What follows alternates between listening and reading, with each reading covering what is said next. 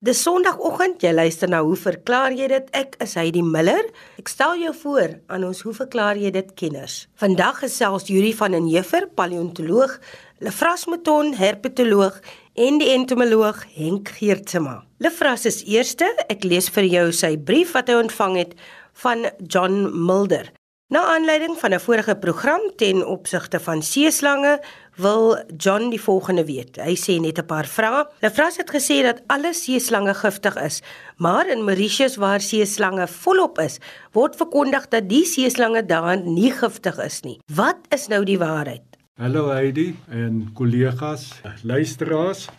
En dan die tweede vraag Hy sê dat volgens Lefras se verduidelikings het ek die indruk gekry dat seeslange meestal bo op of in die water uh rond beweeg op soek na prooi en dat hulle slegs afduik om prooi te vang. Maar in Mauritius waar hy die afgelope aantal jare baie ure in die water deurgebring het met 'n metaalverklikker, sien hy gereeld en hy in hakies amper elke dag 'n seeslang of twee wat doodstil op die bodem van die see lê en rus. So hy wil dan nou weet is uh seeslange werklik giftig? Nie volgens sy inligting is hulle nie. Nou John, ek dink daar is redelik groot verwarring oor die term seeslang. Seeslang is 'n baie spesifieke term wat net na 'n baie spesifieke groep uh, diere wat in die see voorkom verwys. Daardie 70 spesies wat ek laas genoem het, hulle behoort tot die familie Elapidae. Dit is die kobra familie.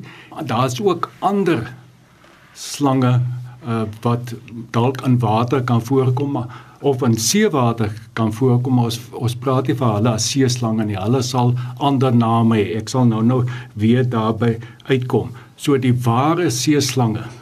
Uh, dit is die subfamilies die Trophiidae nei en die Laticaudinae, hulle is giftig. Daar's geen twyfel daaraan nie, hulle is giftig. Nou sommige is meer aggressief as ander, maar ek kan jou waarborg mens gaan nie met hulle probeer toets of hulle nou uh aggressief is of nie. Uh so hulle is definitief giftig. Wag, kom ons praat gou 'n bietjie oor die ander slange. Uh ek dink die luisteraar sal verbaas wees om te hoor dat daar maklik hier rondom 300 ander slangspesies is wat semi-aquaties of ten volle aquaties kan wees en selfs dan ook van hulle uh kom in marine omgewings voor met ander woorde in die see. En baie van daardie slange sal nie giftig wees nie. Hulle is uh, hoofsaaklik of die meeste van hulle is geassosieer met wat ons in Engels sê mangrove swamps.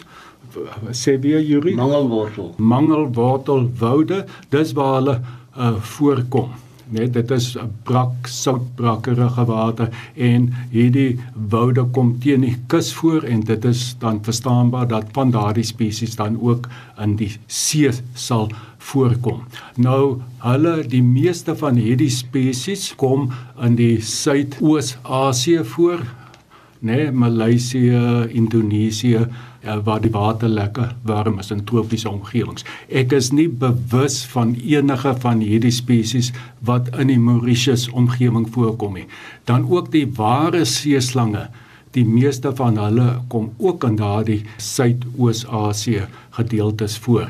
En uh ek kon net een rekord opspoor van 'n seeslang in die Mauritius omgewing en dit is die swart en geel seeslang wat ook hierso by ons kus voorkom. So daar is nie aanduidings dat daar van hierdie seeslange in behalwe die swart en geel seeslang in die Mauritius omgewing voorkom nie. Die volgende ding wat hy sê is dat ek nou sou gesê dat seeslange dan nou net bo dryf aan hierdie opdrifsels uh, gebiede. Dit is net van toepassing op die swart en geel seeslang. Ander seeslange, die meeste van hulle verkies vlakwaters en Uh hulle kan vroegoggend en laatmiddag bo op die oppervlak dryf om bietjie in die son te bak, maar dan kan hulle etlike ure onder water deurbring en in vlak water natuurlik sal hulle ook op die bodem kan voorkom. Maar soos ek gesê het, behalwe vir die swart en geel seeslang,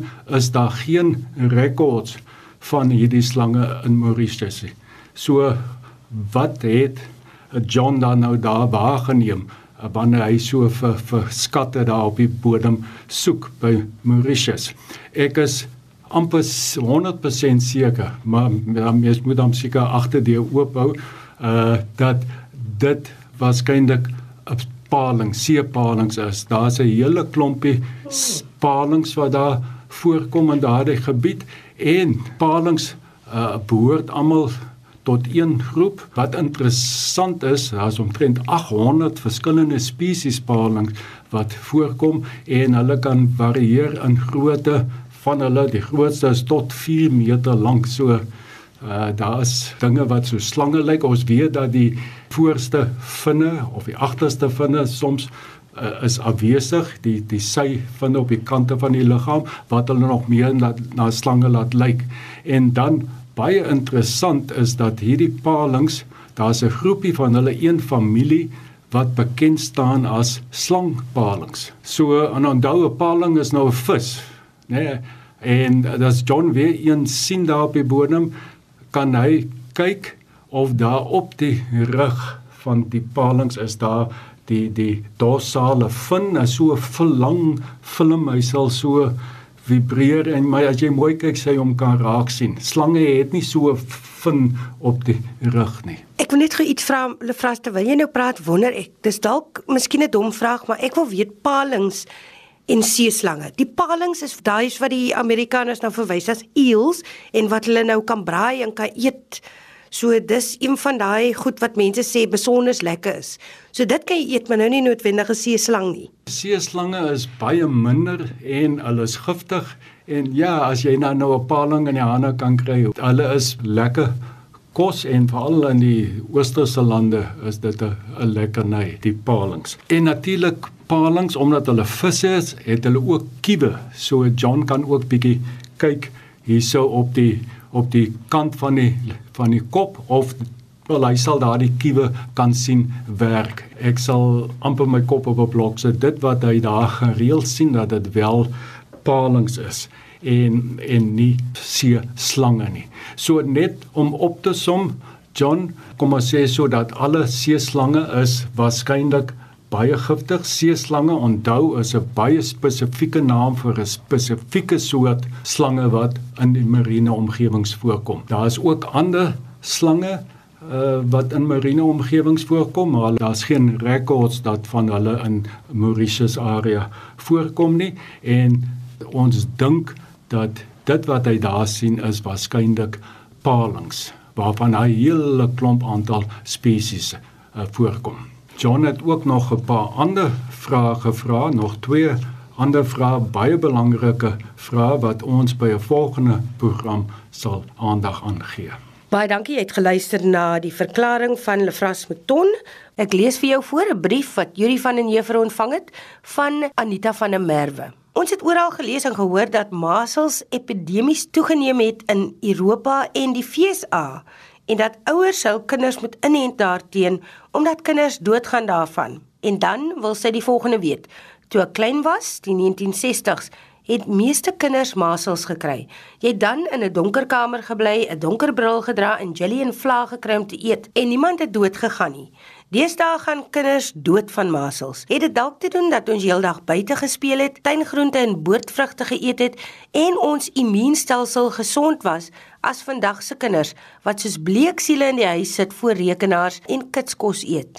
Dankie vir julle ongelooflike program. Dit kom van Anita van der Merwe. Ek kan dit vir jou as volg antwoord. Masels is 'n hoogs aansteeklike siekte Dit word veroorsaak deur 'n virus. Uh die persoon wat dit het ondervind koors, 'n uitslag van klein rooi kolletjies wat nie jeuk nie en ander simptome wat daarmee saamgaan is 'n gehoes, rooi oë met word 'n ontsteking, inflammasie van die konjunktiva, konjunktivitis die neus loop en dan kan daar verdere komplikasies intree soos byvoorbeeld diarree wat lei tot ontwatering en in erge gevalle kan dit breinontsteking en kefalitis veroorsaak en in kritiese gevalle kan dit lei tot blindheid en ook sterfte. Masels val gewoonlik uh kinders aan wat ondervoed is of jonger as 2 jaar is. As 'n mens reeds masels gehad het, dan is jy gewoonlik immuun uh daarteenoor En as jy dan kontak maak met die speeksel of die mucus druppels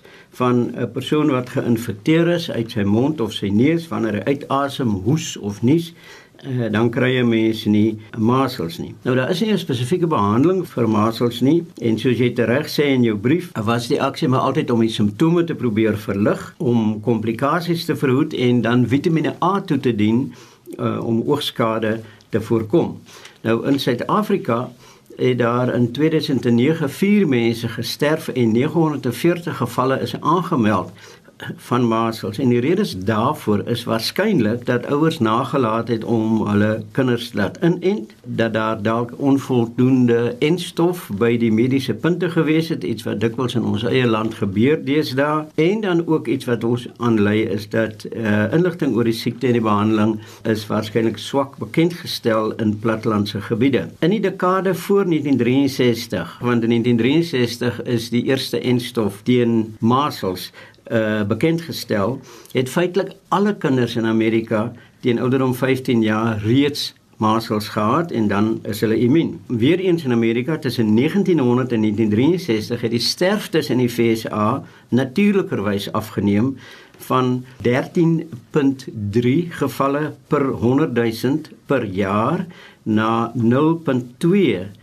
gevalle per 100 000 individue per jaar. So dit is 'n afname van 98% wat natuurlikerwys plaasgevind het.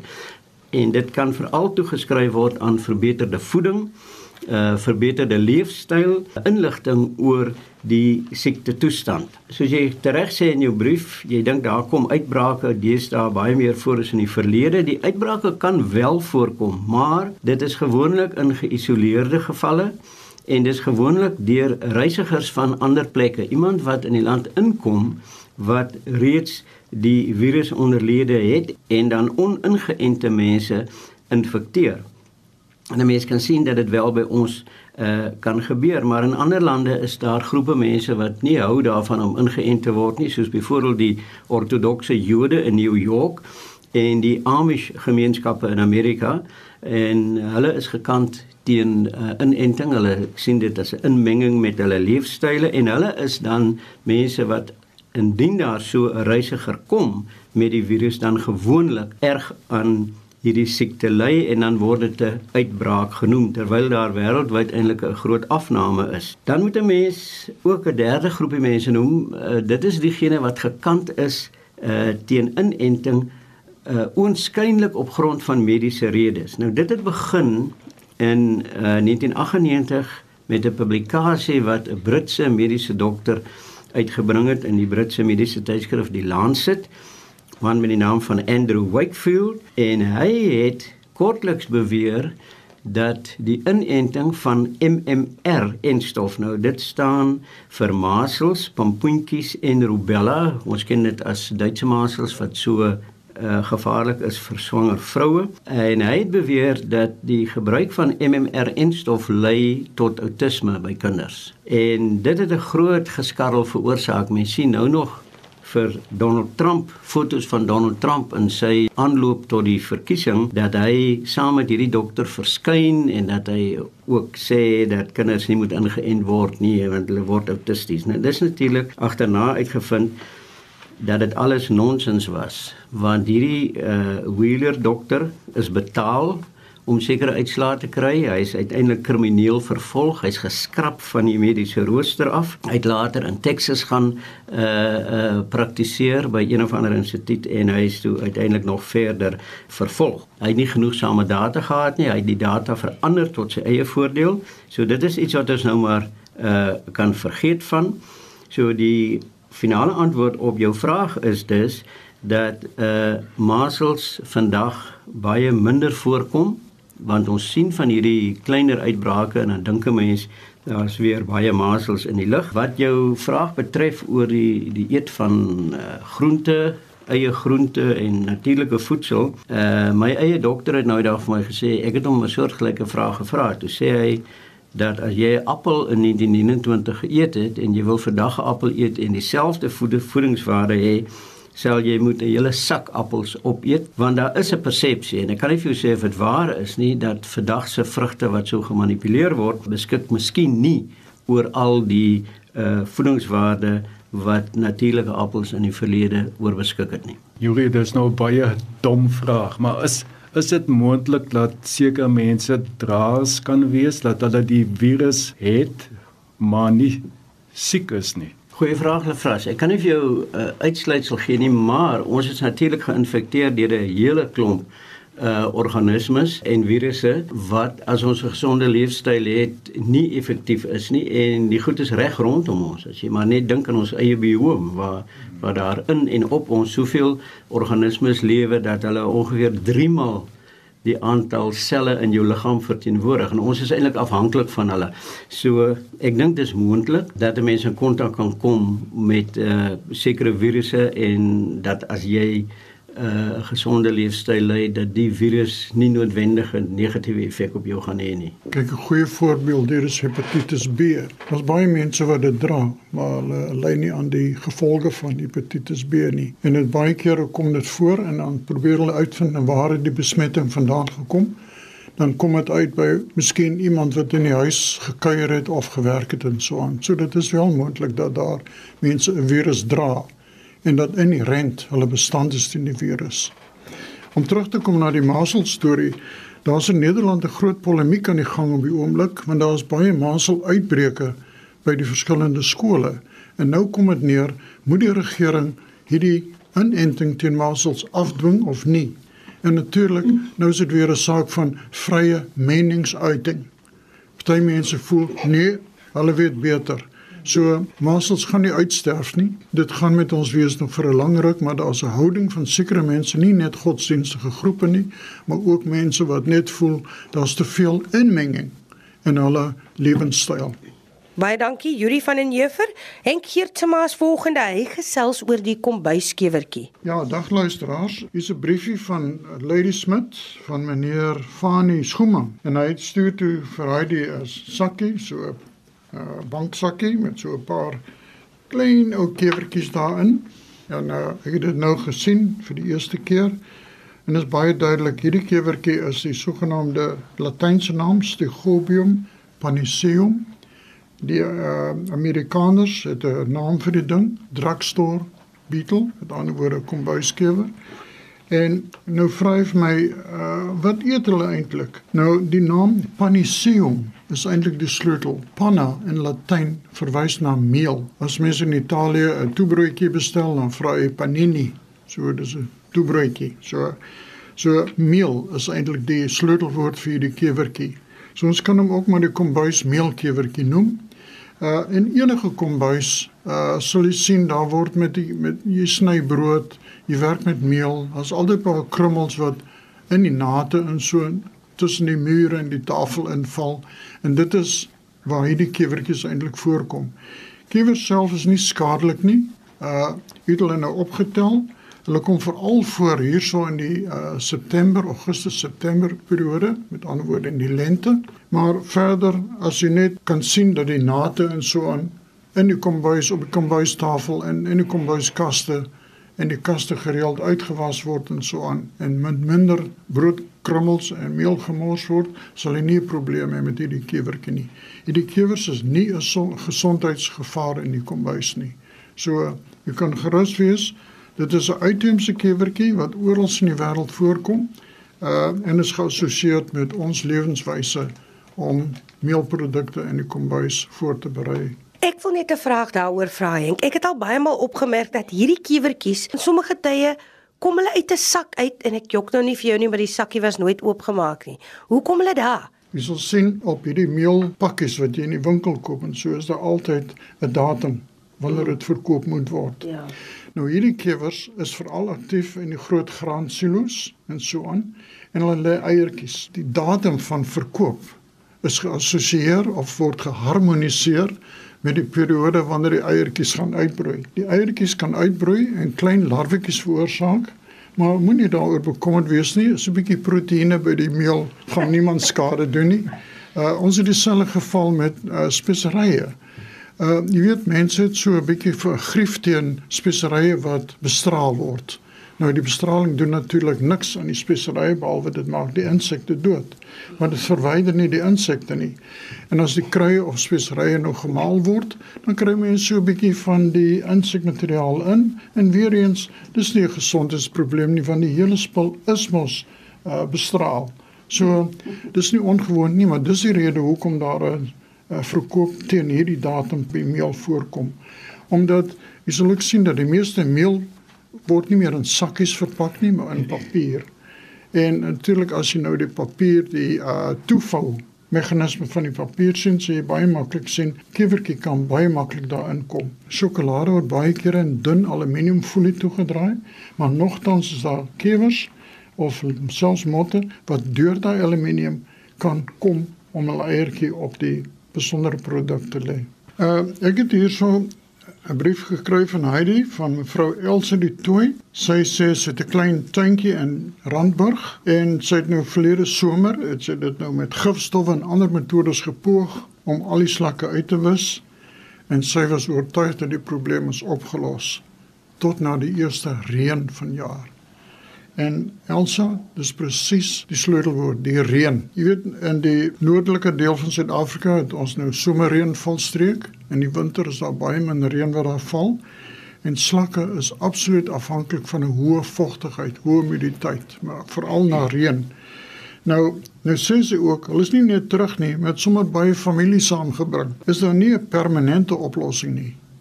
Het slakke enige nut behalwe vir die Franse? Wat is hulle lewensiklus? Dan is daar ook nog die doplose slakke. In die eerste plek, die lewensiklus van 'n slak is redelik eenvoudig. Uh slakke lê eiers. Baie kere sal jy die gewone Europese tuinslak sien in die tuin, nat grond. Dan sal jy sien die agterlyf van die slak of die voet is dan in die grond ingedruk en as jy nou die slak uittrek uit die grondpuitjie uit, so jy sulke groterige uh lyk amper soos ryskorrels opgeblaasde ryskorrels en dit is hulle eiers. Jy sal ook sien die eiers is absolute balletjies water as dit ware, baie waterig. So hulle word in die grond gebeere juis sodat hulle beskerm word teen uitdroging. Nou kom die klein slakkies uit en van die begin af het die dopslakke, met ander woorde die huise sit klaar klein huisies. En soos hulle nou groei, word al meer uh aan die huisie gebou. Nou die hele sleutel vir slakke met skulpe is kalk toe ek nog in uh gewerk het in die landboudepartement is ek uitgeroep na die uitbreek van die Kaapse duineslak Tiba Pisana hier in Malmesbury by 'n wingerdman. Sy wingerde was werklik oortrek met hierdie witterige slakke. En dit was baie eenvoudig. Ek het hom net een vraag gevra. Het jy kalktoediening gedoen aan die wingerd verlede jaar? Sê ja, maar dit is presies vir die slak soek. Hy soek kalk vir sy doppie self. Henk terwyl jy nou oor Tiba praat, soms in die somermaande dan sien mens massas van die slakkies wat teen 'n paal gepak sit en dit uh, lyk so asof dit na die sonkant toe is. Hoekom is dit so? Ja, die ding is, kyk en die, ons ons sit nou weer in die winterreënstreek. Met ander woorde, ons kry nie reën in die somer nie. En wat hierdie slakke nou doen is Hulle soek 'n bymekaar plek en dis heel toevallig dat daar nou heiningpale vir ding is wat hulle uitsoek om teen te hiberneer as dit ware.